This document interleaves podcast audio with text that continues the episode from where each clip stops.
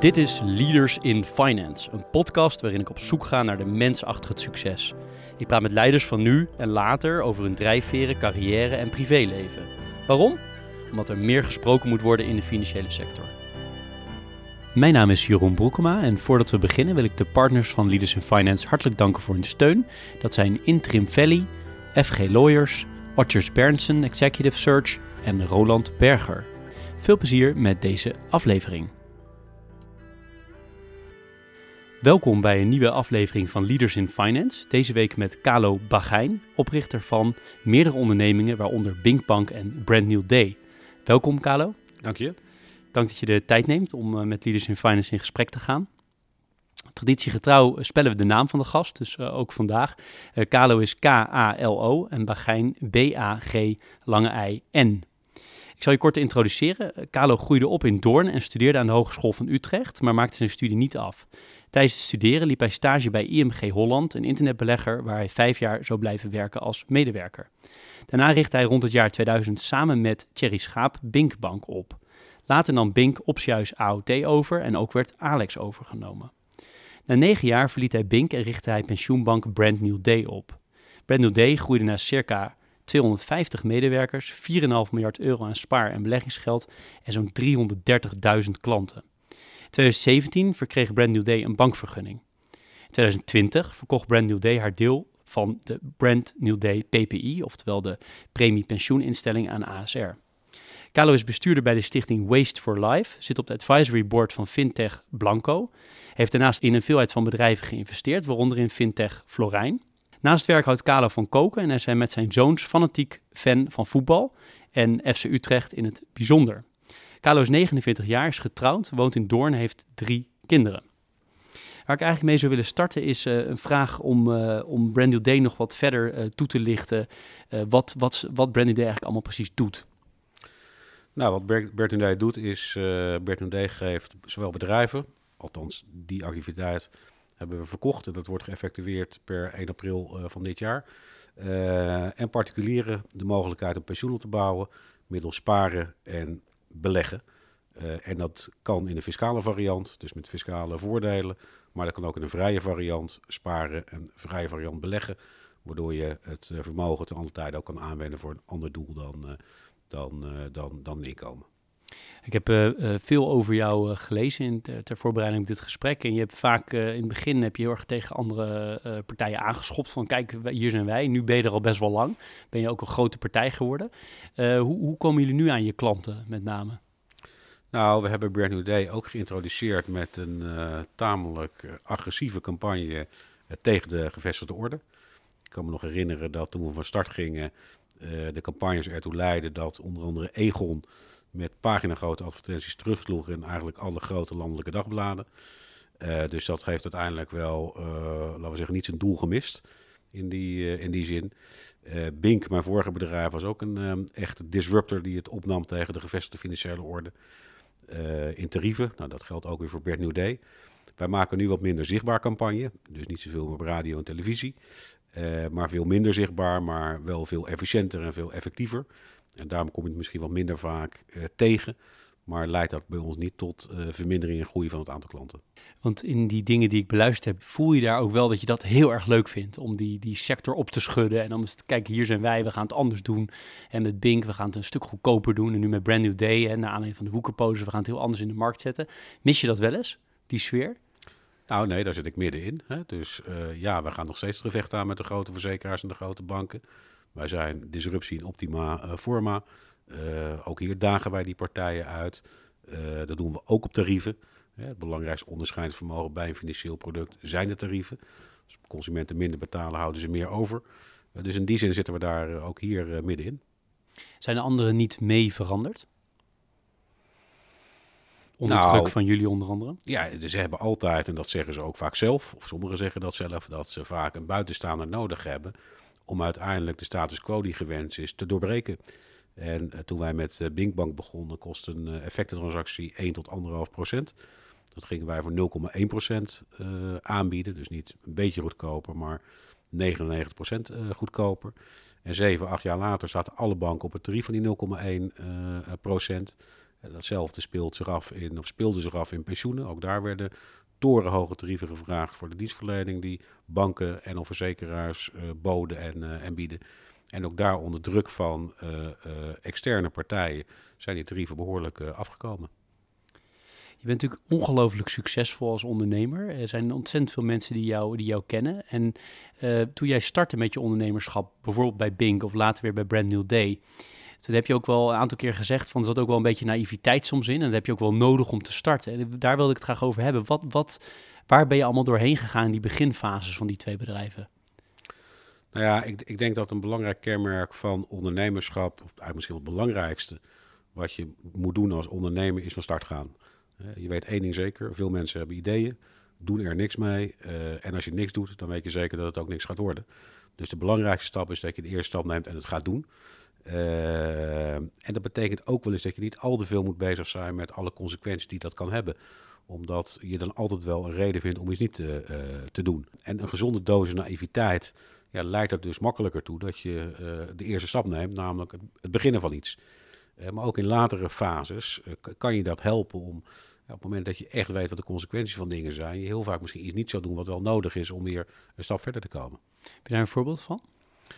Nou, ik weet nog dat toen wij met Bink uh, begonnen waren, was het in het begin helemaal niet zo succesvol. Uh, ook in financiële zin niet. Kostte het allemaal veel geld. Uh, en dat kwam omdat wij geen bank waren en een bank moesten inhuren om zeg maar, de bankaire dienstverlening voor ons te organiseren. Dat kostte ons heel veel geld. Terwijl eigenlijk dat zeg maar, revenue voor ons zouden moeten zijn. En onze financieel directeur die kwam naar mij en mijn collega Thierry toe. En die wilde ermee stoppen. En uh, wij vroegen waarom. En hij zei, nou, we gaan dit nooit weerschevend krijgen. En we vroegen, ja, hoezo denk je dat nou eigenlijk dat het niet weerschevend te krijgen is? Dan nou, we raken veel te veel geld kwijt aan, in dit geval de kasbank. De bank die we hadden ingehuurd om de bankaire dienstverlening voor ons te verzorgen. Terwijl we eigenlijk de inkomsten zelf moeten hebben. En wij zeiden toen eigenlijk zonder na te denken van, nou ja, dan moeten wij maar bank worden. En dat zeiden we ook tegen hem. Nou ja, dan en dan worden we bank, als dat zeg maar het probleem is. En hij vertelde later dat hij toen de Kamer uitliep en toen zeker wist dat hij ontslag zou gaan nemen, omdat hij met een serieus probleem te proppen kwam. En wij met een oplossing kwamen die volgens hem ja, te gek voor woorden was, want hoe kon je in hemelsnaam bank worden? we waren allebei toen uh, 8, 29. Uh, we hebben nooit een bank gerund. De, de, Nederlandse bank is ook niet heel erg scheutig met het verlenen van, van bankvergunningen. Dus hij vond dat een krankzinnig, krankzinnige reactie van ons op een serieus probleem uh, van hem. En daar had hij misschien ook wel gelijk in. Alleen gelukkig waren wij gezond naïef. En uh, vonden wij dat een hele realistische en uh, verstandige oplossing voor het probleem wat hij schetste. En heb je uit die beginfase bijvoorbeeld van Bink of van Brandon Day, heb je daar voorbeelden dat je echt dacht, dit zou wel eens niks kunnen worden? Nou, zeker bij Bink in het, in het begin. Uh, met, met Bink in het begin hadden we twee activiteiten. Uh, we zetten uh, in de tijd een internetbroker op, waar particulieren konden beleggen via het internet. Tegelijkertijd hadden we ook, en dat kwam vanuit mijn verleden, ook een tak van sport waarin we uh, institutionele beleggers bedienden. Met name grote Amerikaanse en Engelse banken die belegden op de Nederlandse beurs in met name derivaten. Die deden dat niet via de ABN of via de Rabo, want het waren ook hun concurrenten. Dus die deden dat onder andere via een partij zoals wij dat deden. Die laatste activiteit leverde in het beginsel heel erg veel geld op. Eigenlijk vanaf dag één. En dat kwam omdat we de relaties hadden, de mensen kenden. En het voor die partijen en mensen niet uitmaakte of ze dat bij bedrijf X of bedrijf Y deden. Want ze waren meer verbonden aan ons dan aan een, uh, aan een bedrijf.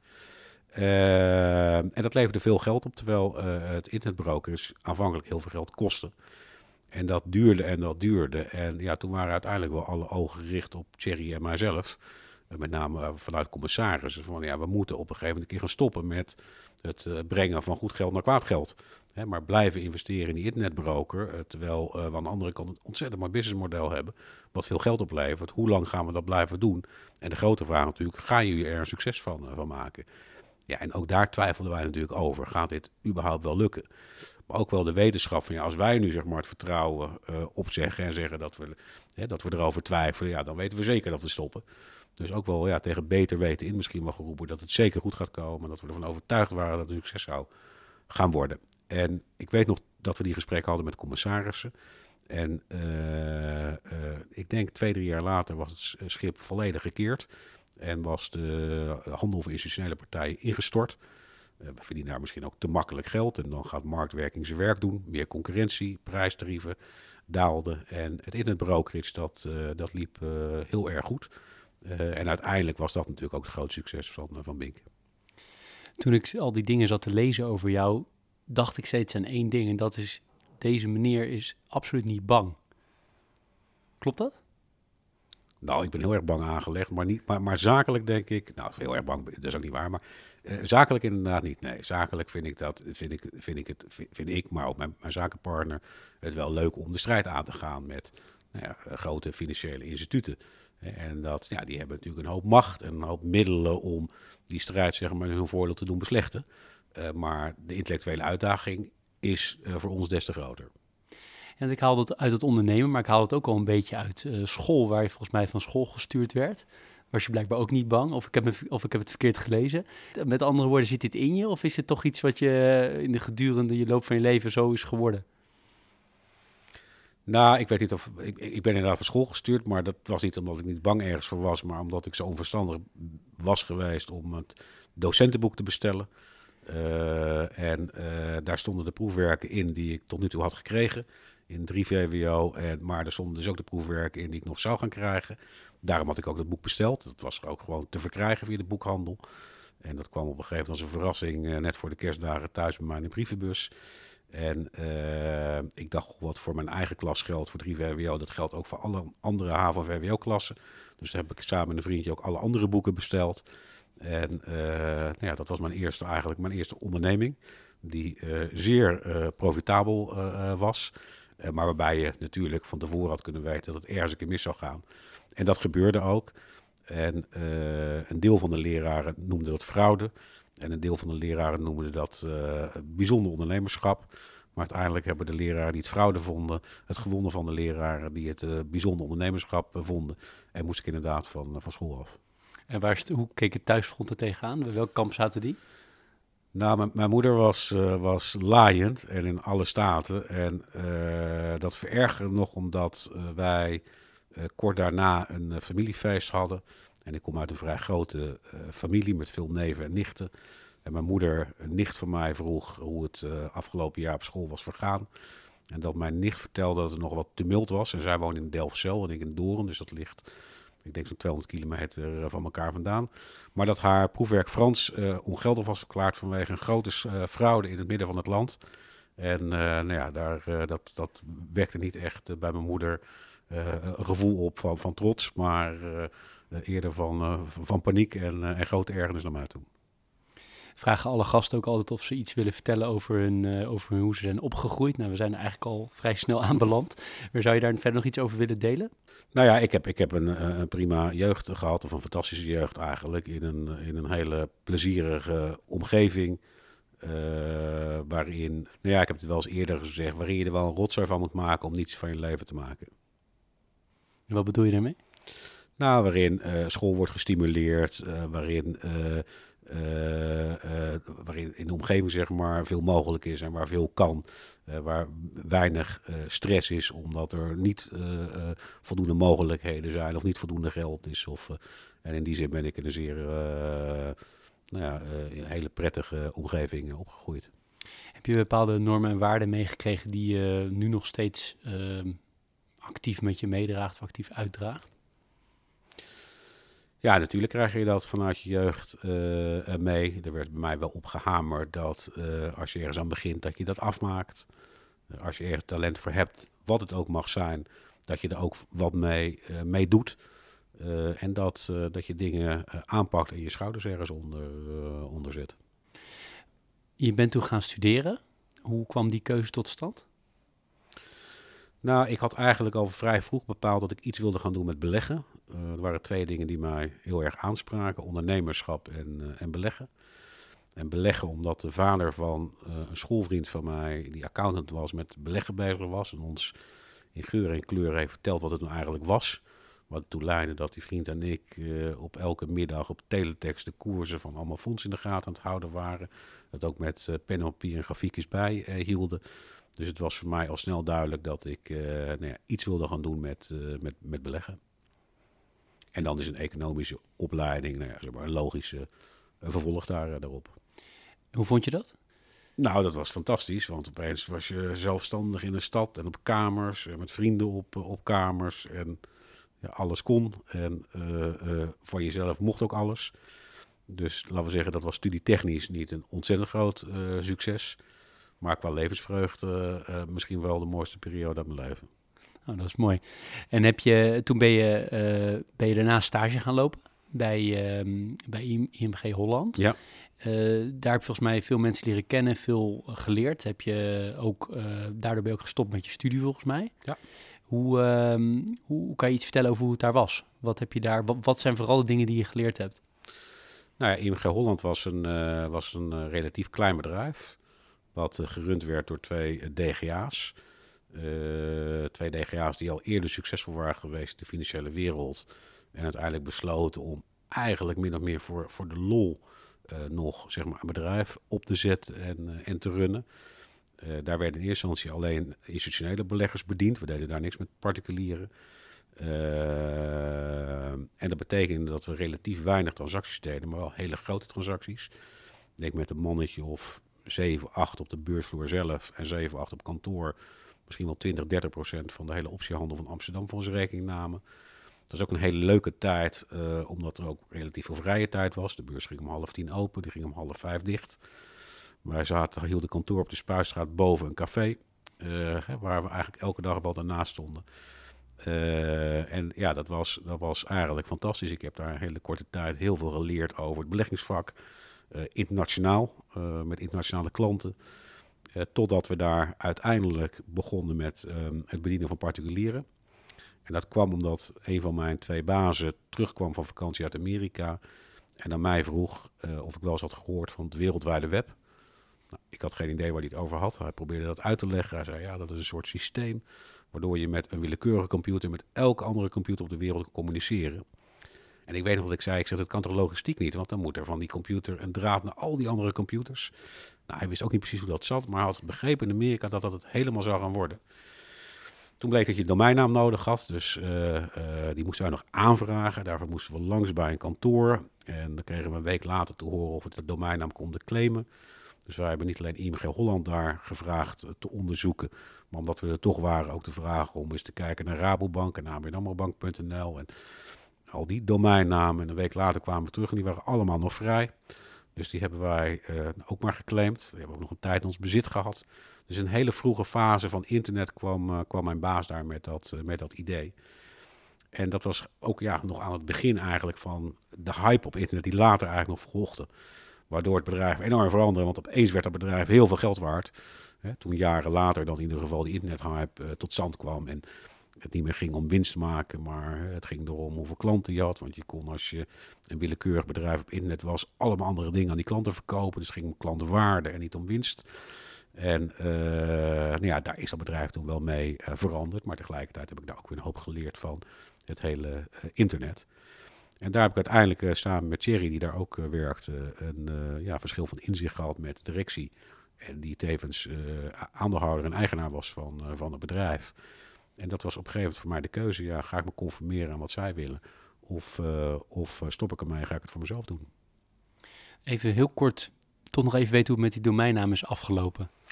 Ja, nou, dat is ook weer een heel verhaal. Want wij, uh, uh, wat, wat in eerste instantie gebeurde toen Rabobank en ABN Bank en ING Bank erachter kwamen, toen hebben ze uh, protest aangediend bij de beurs. De beurs was toen nog een ledenvereniging, daar waren wij lid van. Als wij geen lid zouden zijn, zouden we geen transacties meer kunnen en mogen verrichten. Uh, dus die hebben, daar, uh, die hebben geprobeerd om daar aan te tonen dat wij onbetrouwbaar waren, omdat wij de domeinnaam van, uh, van andere leden hadden gestolen, zoals zij dat noemden. Nou, dat vond de beurs in eerste instantie grote onzin. En die zeiden, dat had je maar beter moeten opletten. Maar helaas hadden wij ook optiebeurs.nl en effectenbeurs.nl ook geclaimd. En dat brachten de banken daar te berde. En dat veranderde de, de, de gedachte van uh, het bestuur van de effectenbeurs dusdanig dat uiteindelijk we die domeinnaam hebben moeten inleveren en dat ook maar snel hebben gedaan. En uh, Thierry had je dus leren kennen bij, jou, bij jouw werk. En hoe kwam het tot stand dat jullie samen uh, Bink zijn begonnen? Nou, het is op zich wel grappig, want ik heb eigenlijk mijn hele werkbare leven met Thierry samengewerkt. Dus we hebben bij IMG samengewerkt. we zijn vanuit IMG samen begonnen met, met Bink. en we zijn later ook, nou ja, min of meer, iets later dan ik, maar opgestapt bij Bink om samen Bert te beginnen. Dus wij werken eigenlijk ons hele leven samen. Maar wat, is de, wat zagen jullie in het begin in elkaar? Wat is de toegevoegde waarde die jullie de een wil heeft en de ander niet heeft en andersom? Nou, het is niet een bewuste keus geweest toen we elkaar tegenkwamen. Eh, dat we een analyse hebben gemaakt en dat hij rood was en ik groen. Of ik weet niet hoe al die kleuren in elkaar zitten. Dat dat zo'n ideale match zou, eh, zou zijn. We zijn samen collega's geworden, konden het heel goed met elkaar vinden. Eh, daar is ook een vriendschap uit ontstaan. En later bleek dat we elkaar ook heel erg goed aanvullen. Maar dat is niet een bewuste keuze geweest. Dat is ons min of meer overkomen. Wat was het punt dat jullie wisten, Bink gaat echt groot worden? Ehm, ja, ik denk ongeveer drie, vier jaar na de start. eerst maak je een businessplan. Nou, die komen natuurlijk nooit uit, want dan ben je veel te positief. Ook maar gelukkig ook weer een vorm van een eviteit. Want als daar uitkomt wat uh, er daadwerkelijk gebeurt, dan, dan begin je waarschijnlijk ook niet. Uh, dan vervolgens ga je van start. En ja, in beginsel viel dat gewoon best tegen. En dat was bij Bink zo, maar dat was ook bij Bert zo. En dat is toch wel in die business consumer markt waar wij in zitten. Uh, is dat betekent het gewoon dat je langdurig moet investeren in marketing, enorme bedragen moet investeren. En dat je daarna maar moet afwachten of het allemaal goed komt. Hè. Je bent natuurlijk wel actief mee bezig. Maar het valt altijd tegen. Je moet vertrouwen winnen, je moet een naam opbouwen. Je, moet, nou ja, je hebt eigenlijk tijd nodig om zo'n merk neer te zetten. Uh, en na een paar jaar merkten wij, zowel bij Bink als bij Berkeley, een versnelling in de groei. Nou, en toen ging het op een gegeven moment ontzettend hard, ja. Hoe financierden jullie alles in beginjaren? Nou ja, dat verschilt ook per, onderneming. Bij Bink uh, hebben we dat uh, met bankaire leningen gefinancierd in eerste instantie en met een aandeelhouder, AOT. Uh, eh, dus hebben wij privé ons in de schulden gestoken om nou ja, te kunnen investeren in dit bedrijf. We hadden allebei alles wat we hadden, tot met onze vrouw aan toe, geloof ik, verpand aan, aan de bank. althans, niet de vrouw zelf, maar het salaris van, van mijn vrouw. en voor Thierry Gelder hetzelfde. en later, toen wij met Bert begonnen, hebben we dat kunnen financieren in eerste instantie uit eigen middelen. Dat vonden we ook prettig. We zeggen, joh, zo'n nieuw bedrijf gaan beginnen, dan de zeker de eerste paar jaar geen extern kapitaal erin. En later zijn er, toen de investeringen toenamen, ook externe investeerders ingestapt. En je hebt je hele werkzame leven met, uh, werk je tot nu toe met geld. Ja. Wat, wat is geld voor jou, uh, voor jouzelf? Nee, het is, geld is natuurlijk gewoon een middel. Uh, en hopelijk voor, voor, in ieder geval voor mij, maar ik hoop ook voor andere mensen, geen doel op, op zichzelf. Het is natuurlijk uiteindelijk wel bij on, ja, ondernemerschap. Ja, laat, het, laat het wel zeggen, maar geeft het de mate van succes aan. Een bedrijf moet geld verdienen. Anders hebben ze natuurlijk ook geen bestaansrecht. Uh, ja, en daar is, daar is geld natuurlijk een heel belangrijk onderdeel in. Zijn er mensen geweest in jouw loopbaan die heel cruciaal geweest zijn? Nou ja, allereerst natuurlijk Thierry, mijn, mijn zakenpartner. Het, als er een nadeel is aan eigen ondernemerschap, is, is het natuurlijk het nadeel dat er niemand boven je staat die uh, vertelt hoe je iets anders zou moeten of kunnen doen. En wij, uh, nou ja, op IMG na investeren, of ondernemen wij eigenlijk onze hele, onze hele carrière. En hebben dus ja, niet, niet iemand gehad die daarboven hing en waar we wat van konden leren. Maar we konden wel elkaar in ieder geval heel erg uitdagen en challengen. Dus nou ja, dat is denk ik het allerbelangrijkste. En laten we zeggen, along the road kom je natuurlijk ja, met enige regelmaat mensen tegen die je op een bepaalde manier uh, inspireren of waar je wat van leert. Je komt ook heel veel mensen tegen die je totaal niet inspireren en waar je niks van leert. Maar het gebeurt inderdaad wel eens dat je iemand tegenkomt waar je denkt, hé, hey, dat is dat, dat, dat, een hele interessante zienswijze of uh, nou ja, waar je op een andere manier wat, uh, wat van opstijgt. Heb je daar een voorbeeld van, iets waar je zegt, dat is echt belangrijk voor mij om te leren om succesvol te zijn? Nou ja, ik, ik heb dat ook wel eens eerder verteld dat een van onze investeerders, de heer John Vender van Vlissingen was in, in, in Bink in ieder geval, iemand met een hele andere zienswijze dan de zienswijze van, uh, nou, van veel andere mensen. Waar we wat van uh, geleerd hebben. nou ja, je vertelde tijdens de intro dat ik fan was van FC Utrecht. Nou, dat klopt. Daar zit iemand die de club gered heeft. Frans van Zeumeren. Nou, echt een Nederlandse ondernemer. waar ik veel respect en bewondering voor, voor heb. nou ja, zo zijn er nog meer mensen, ik vergeet ongetwijfeld aan te noemen, waar je nou ja, wel wat van oppikt. Ik ook wel interessant vond, is dat er best wel veel mensen om jou heen zijn geweest in die verschillende bedrijven, die nu ook weer zelf succesvolle bedrijven zijn begonnen. Hè? Dus bij, bij Open, bij Bugs, bij, bij Blanco. Ehm, en je hebt ook gezegd, hè, dat heb ik kennelijk zo vaak gezegd, dat ze maar zelf zouden moeten starten als ze dat wilden. Dat een aantal dat ook gedaan hebben. Is dat, is dat toevallig? Nou, wat ik tegen die mensen heb gezegd, maar dat was eigenlijk wat flauw bedoeld. Maar op het moment dat ik discussies. Dit zijn allemaal mensen die vroeger ook voor mij werkten bij Bink. Uh, en ook direct aan mij rapporteerden. En als het ergens niet mee eens waren en ik wilde zo'n discussie afkappen, dan riep ik wel, anders begin maar je eigen bank.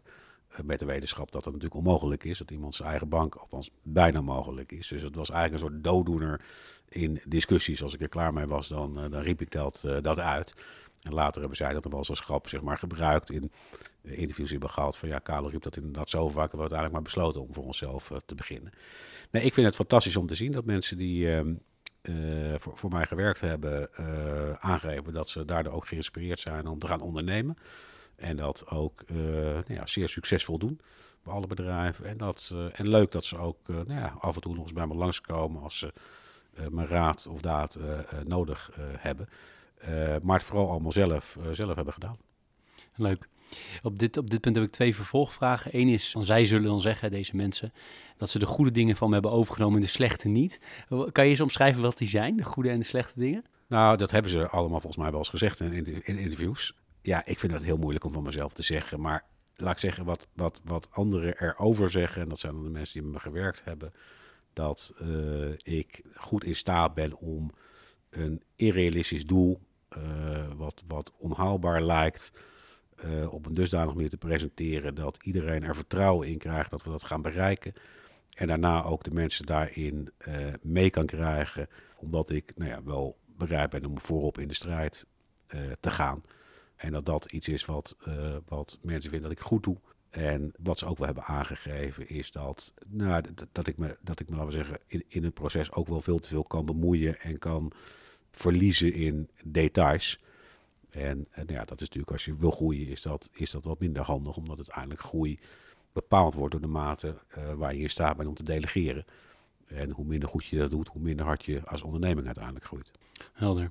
En de andere route die ik in wilde is, er moeten ongelooflijk veel mensen zijn die jou vragen om advies. Je gaf net zelf ook aan, soms vragen deze mensen nog om advies, maar er moeten veel meer mensen zijn die, eh, denk ik, hè, als het niet klopt moet je het zeggen. Maar hoe ga je met al die adviesvragen om? het is niet dat, dat, dat mijn oud-collega's, met, met wie er ook gewoon vriendschappen zijn, zeg maar ontwikkeld, bij mij de deur plat lopen. Ik bedoel, dat, dat gebeurt misschien één of twee keer per jaar dat ze langskomen om, uh, om te vragen hoe ik ergens tegenaan kijk. En dat vervolgens dan ook ja, zelfstandig op een meritus beoordelen. En bepalen of ze daar wat mee doen en, uh, en wat ze daarvan uh, van vinden. En daarnaast zijn er inderdaad ook wel eens mensen buiten de groep om die, die mij om advies vragen. En ja, als ik ze kan helpen ergens mee, dan doe ik dat. En zeker natuurlijk als het ondernemers zijn, als het jonge ondernemers zijn. En ja, als, dat, als dat kan, dan, dan doe ik dat. Um, zie je daar een, een, een, rode draad in? Wat voor soort dingen er gevraagd worden? Wat voor soort advies jij vaak geeft?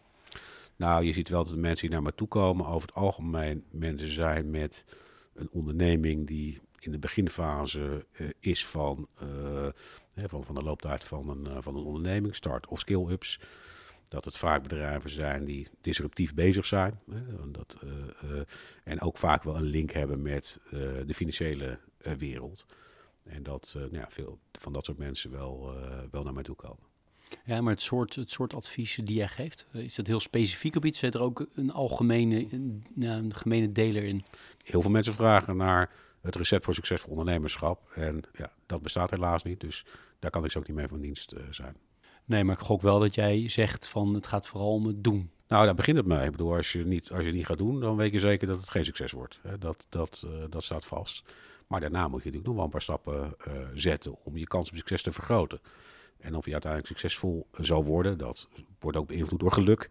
En uh, door misschien ook wat talent, in ieder geval zaken die je niet zelf in eigen hand hebt. Maar er zijn ook een aantal dingen die je misschien wel kan doen om die, om die kansen te verbeteren. Ja, dan denk je dat in jouw geval dat jij veel, nou, veel toeval een grote rol heeft gespeeld en veel, dat je veel geluk hebt gehad? Ja, zeker. Ja. Waar denk je aan dan? Nou, ik vertelde net al even dat, uh, dat de vraag bij Binkbank na twee of drie jaar kwam van commissarissen, moeten we nou in hemelsnaam wel verder gaan met, met uh, het internet beleggen? En dat wij zonder enige wijsheid, maar puur en alleen maar met het idee van ja, als wij nu het vertrouwen verliezen, dan raakt iedereen het kwijt. Dat, was geen groot strategisch inzicht. Vast hebben gehouden aan dat plan. Ja, dat is, dat is natuurlijk gewoon geluk.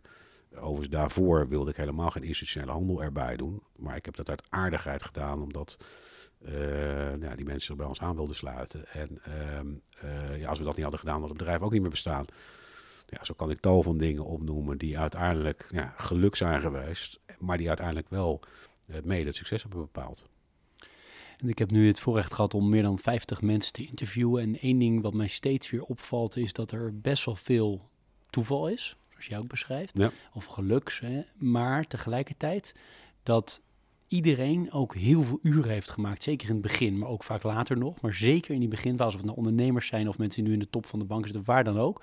Er wordt heel hard gewerkt. Er worden heel veel uren ingestopt op alle tijden, mogelijke tijden in de week. Geldt dat voor jou? Nou ja, wat ik net zei, kijk, je kan uiteindelijk wel je kan succes vergroten. Er is alleen geen recept ervoor, maar je kan het wel vergroten. Die kans natuurlijk, als je hard werkt, heb je grotere kans dat je succesvol bent dan als je dat niet uh, uh, doet. Wat motiveert jou? Nou, ik vind het vooral leuk om van niets iets te maken. En daarmee vind ik ook de eerste fases van de onderneming de leukste fase.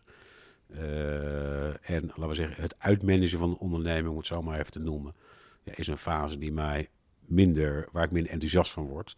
En mij ook minder inspiratie uh, geeft. En ik weet nog goed dat, uh, dat, dat ik van, van Mingbank, waar uiteindelijk toen we daar weg gingen, werkte daar, ik weet niet, 700, 800 man.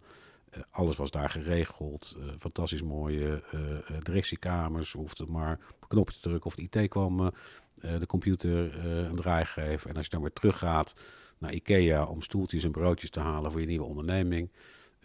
en er is niks, maar je gaat wel wat creëren. Ja, dat geeft mij wel een enorme spirit. Waar ben je het meest trots op? Zakelijk? Ja, of privé. En, en of het liefst allebei. Ach, nou ja. Uh, zakelijk in ieder geval. Nou ja, wat ik natuurlijk wel ontzettend leuk vind en waar ik trots op ben, is dat we uh, van Bink een groot succes hebben gemaakt. Maar dat ook. We zijn nog niet klaar, maar we zijn wel goed op weg met, uh, met Bert. Dat is iets wat ik leuk vind. Ik ben er trots op waar we het net over hadden. Dat we ook andere mensen hebben geïnspireerd om te gaan ondernemen en dat ook succesvol doen.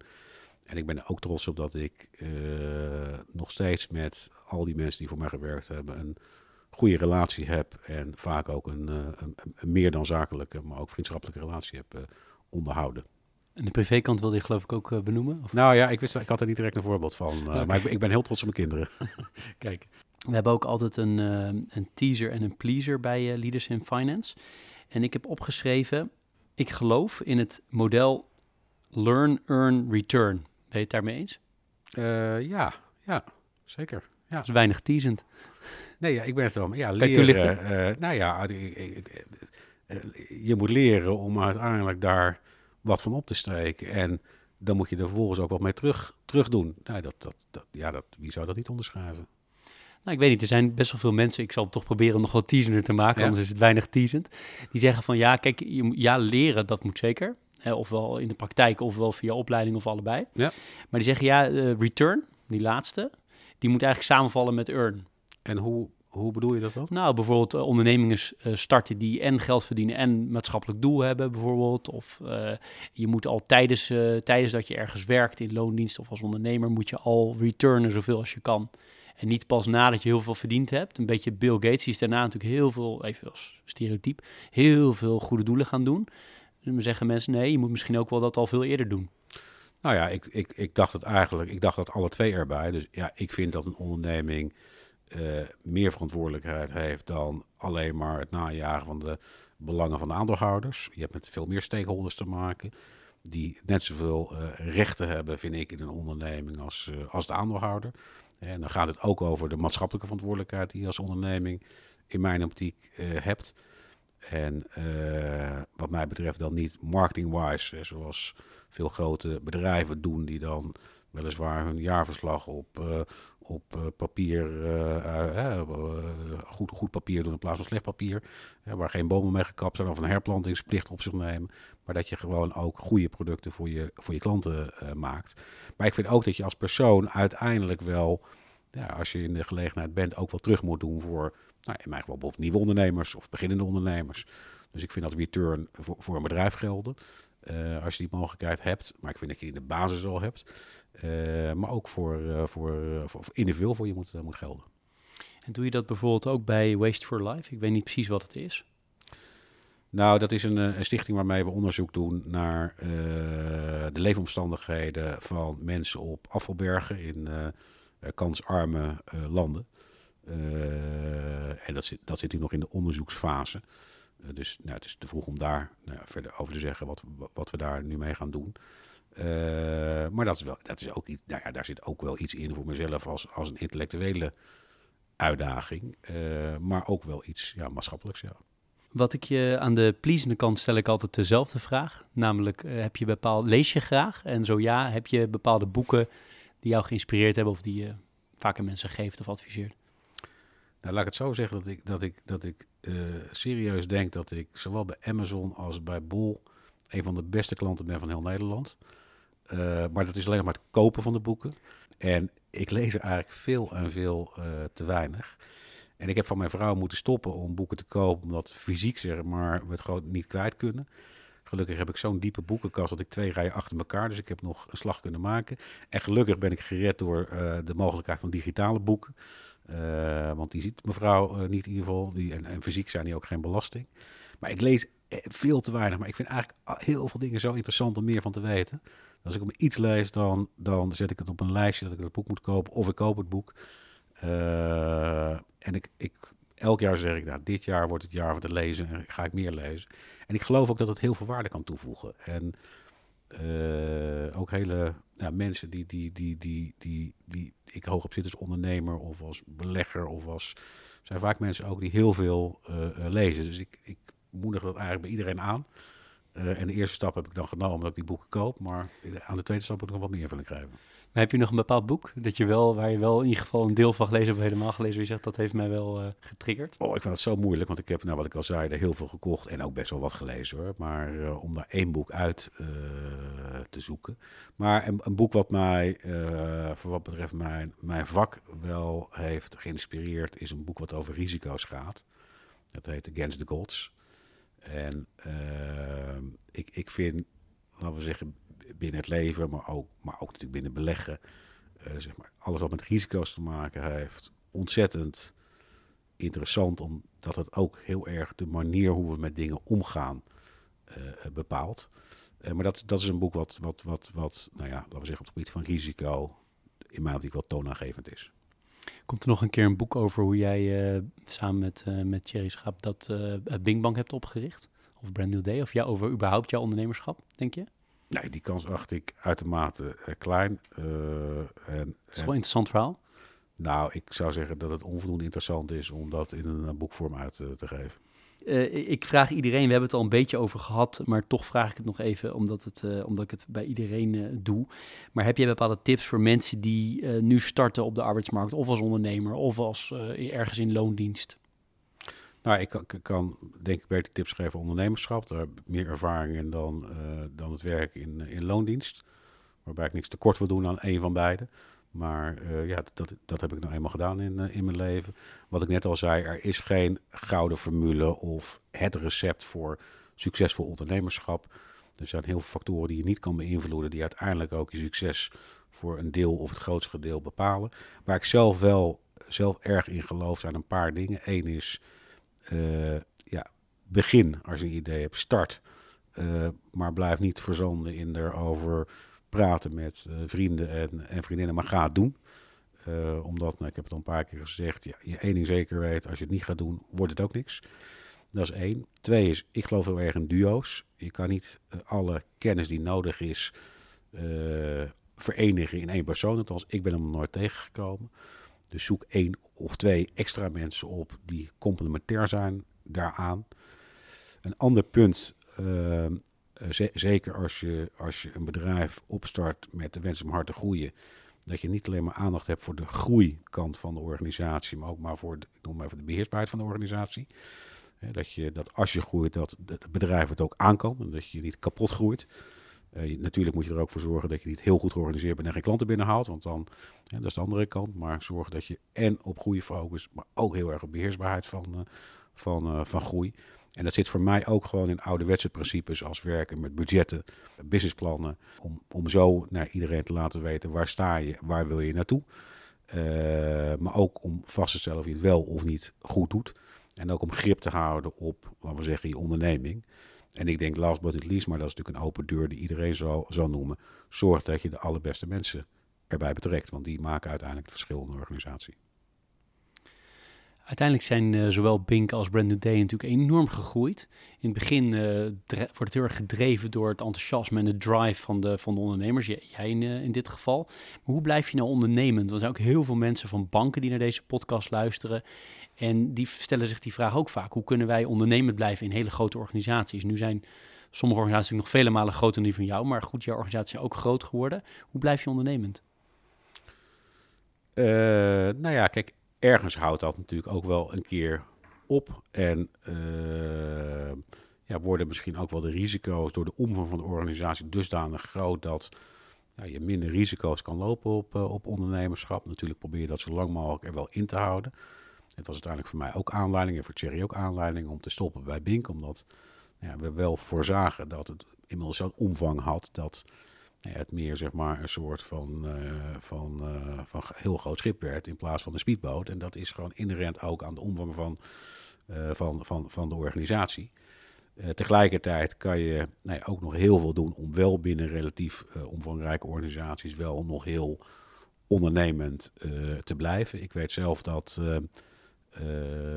bij Bink, maar ook bij Bert Day, ik heel veel klanten spreek. En ik kan me nog herinneren dat bij, bij Bink commissaris op een gegeven moment zeiden... ja, maar straks lukt dat niet meer, want uh, ja, weet je, dan moeten we ons ook met andere dingen bezighouden. Dan kun je niet meer de helft van de tijd met klanten bezig zijn. En toen zei ik, ik zei, maar klanten, dat is de belangrijkste asset van onze organisatie. Ik bedoel, ik blijf de rest van mijn, uh, in ieder geval werkbare leven bij Bink... minimaal de helft van mijn tijd spenderen aan klanten. En de rest wat over is aan andere zaken. Uh, dus dus uh, dat is ook hoe je er zelf uh, in staat. En cultureel ja, kan je natuurlijk ook wel, wel wat sturing geven aan hè, de, de cultuur en het DNA van, van een bedrijf. Waardoor je ook wel bij, bij grotere omvang ondernemend kan, kan Maar waar denk je dan aan? Voor die laatste? Nou ja, het, het moet ook zeg maar verankerd zijn in de cultuur van je organisatie. En, als die, en, en ja, die groeit uiteindelijk ook wel hè, voor een deel in ieder geval, of moet in ieder geval voor een deel meegroeien met de groei van je, van je bedrijf. Er zijn natuurlijk ook grotere bedrijven die, die nog steeds zeer ondernemend zijn. Denk aan nou, recente Picnic bijvoorbeeld, wat heel hard gegroeid is, maar waar ik begrijp nog steeds een hele ondernemende, en wat je ook ziet, een hele ondernemende cultuur heerst. Internationale bedrijven als Amazon, waar ook nog wel enorme uh, ondernemende cultuur is, of, of Apple, of ja, zo zijn er tal van voorbeelden te noemen. Uh, maar goed, daar worden de werknemers wel in, in, de gelegenheid gesteld om te ondernemen, althans binnen een organisatie uh, te ondernemen. En is de cultuur er ook, uh, ook naar. Dat is wel interessant, want aan de ene kant zei je eerder van ik ben ook wel, ik hou ook wel van het, nou, het managen van details nu en dan. En aan ja. de andere kant wil je die ruimte geven. Dat is best een moeilijk evenwicht. Nou ja, ik zei ook dat dat, dat, dat, dat een slechte eigenschap van mij is dat ik dat doe.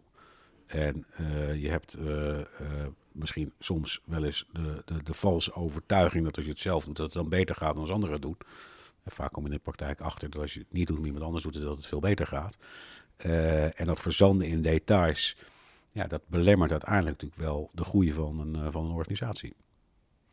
Je bent ondertussen ook investeerder geworden in andere bedrijven. Kan je er iets over vertellen en ook waarom je het doet?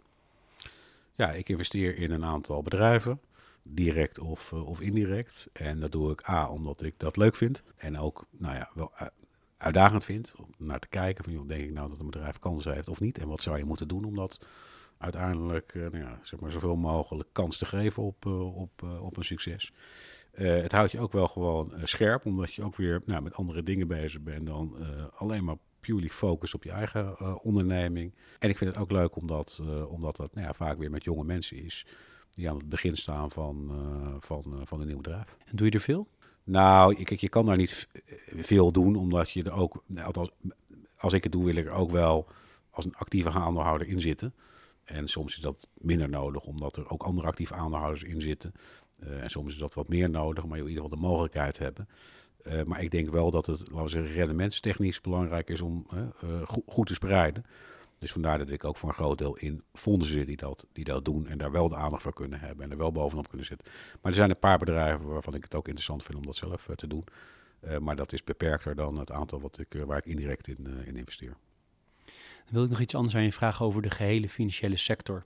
Dan wel in Nederland, dan wel zelfs de wereld. Hoe kijk je daarnaar? Nou, dat is nog wel een vraag zeg. De hele financiële wereld en ook wel de hele wereld. Nou, als je, wat ik vooral bedoel is als je er gewoon even boven gaat staan en kijkt daarnaar. Is het, uh, ik zal een paar suggesties doen, ik geef je ook tijd om na te denken. Maar um, is het te groot, is het te klein? Is er nog steeds veel van de van de zaken die we niet goed vonden voor de financiële crisis bijvoorbeeld, is er nog steeds aanwezig of niet? Nou, dat soort, dat soort dingen. Hoe kijk jij daarnaar? Nou ja, kijk, je kan in algemene zin natuurlijk zeggen dat uh, in de financiële wereld de aandacht voor het belang van de aandeelhouders uh, veel en veel te veel de overhand heeft gekregen ten opzichte van andere stakeholders en dan met name eigenlijk de klanten. En daar zijn allemaal excessen door ontstaan, zoals de Woekerpolissen affaire, we hebben de aandelenlease-affaire gehad, renteconstructies waarbij mensen een renterekening openen en ze omdraaien en de rentes worden fors verlaagd en met nieuwe producten worden weer nieuwe klanten met hoge rentes weer geïnteresseerd om ergens klant, klant te worden. En nou ja, daar, is, daar is natuurlijk ook veel aandacht voor geweest, ook vanuit toezichthouders. En ik heb wel het gevoel dat daar, laten we zeggen, dingen veranderd zijn. maar nog onvoldoende om, ja, om het, laten we zeggen, een, een, een financiële wereld te laten zijn die in het belang is van klanten en niet tegen het belang van klanten ingaat. Laatste paar vragen over um, hoe jij werk en privé combineert en hoe je zorgt dat je fit blijft. Dus in de eerste plaats, hoe heb je dat altijd gecombineerd? Je privéleven, je hebt een gezin en daarnaast een, nou ja, altijd hele, heel actief als ondernemer. Hoe combineer je dat en combineerde je dat? Nou ja, dat, dat, in eerste instantie combineer je dat niet. Hè. Dus is, is er in mijn geval wel heel veel aandacht uitgegaan naar het ondernemerschap. Dat kon voor mij ook makkelijk, omdat mijn vrouw zelf werkte, een eigen carrière had en we nog geen kinderen hadden. Uh, en dat betekende dat, uh, dat nou, we elkaar weinig zagen, maar ja, daardoor wel uh, bezig konden zijn met, met onze werkzaamheden. Vrienden maakten ook wel schrappen over dat als je met ons een afspraak maakte dat wij in een restaurant zouden gaan eten, dat we allebei met onze eigen auto aankwamen en dan eerst een uur met elkaar aan het praten waren om, laten we de afgelopen week door te nemen, omdat we elkaar nog niet gezien hadden. En natuurlijk op het moment dat er kinderen komen, dan verandert dat. Uh, ja, wij hebben ervoor gekozen dat mijn vrouw minder is eh, gaan werken. Wat mij ook nog wat meer ruimte gaf om nog relatief veel tijd te kunnen steken in het ondernemerschap. Ja, een eigen zaak betekent ook dat het wel alles overheersend is. dus ook als je niet op kantoor bent of niet aan het werk bent, het speelt altijd mee. Het zit altijd in je hoofd. Dus je bent er gewoon wel heel veel mee, eh, mee bezig. Maar gelukkig als je ouder wordt, dan uh, ja, in ieder geval bij mij wat beter in staat om daar een balans in, uh, in te vinden. En ik denk ook dat het ontzettend belangrijk is, omdat uh, nou ja, je uiteindelijk ook gewoon fris weer aan de start moet staan van, van een nieuwe week als er waar weer een hoop zou, zou te gebeuren. Ja, want hoe blijf je fris, zoals jij het zegt, fysiek en, en mentaal? Nou ja, dat.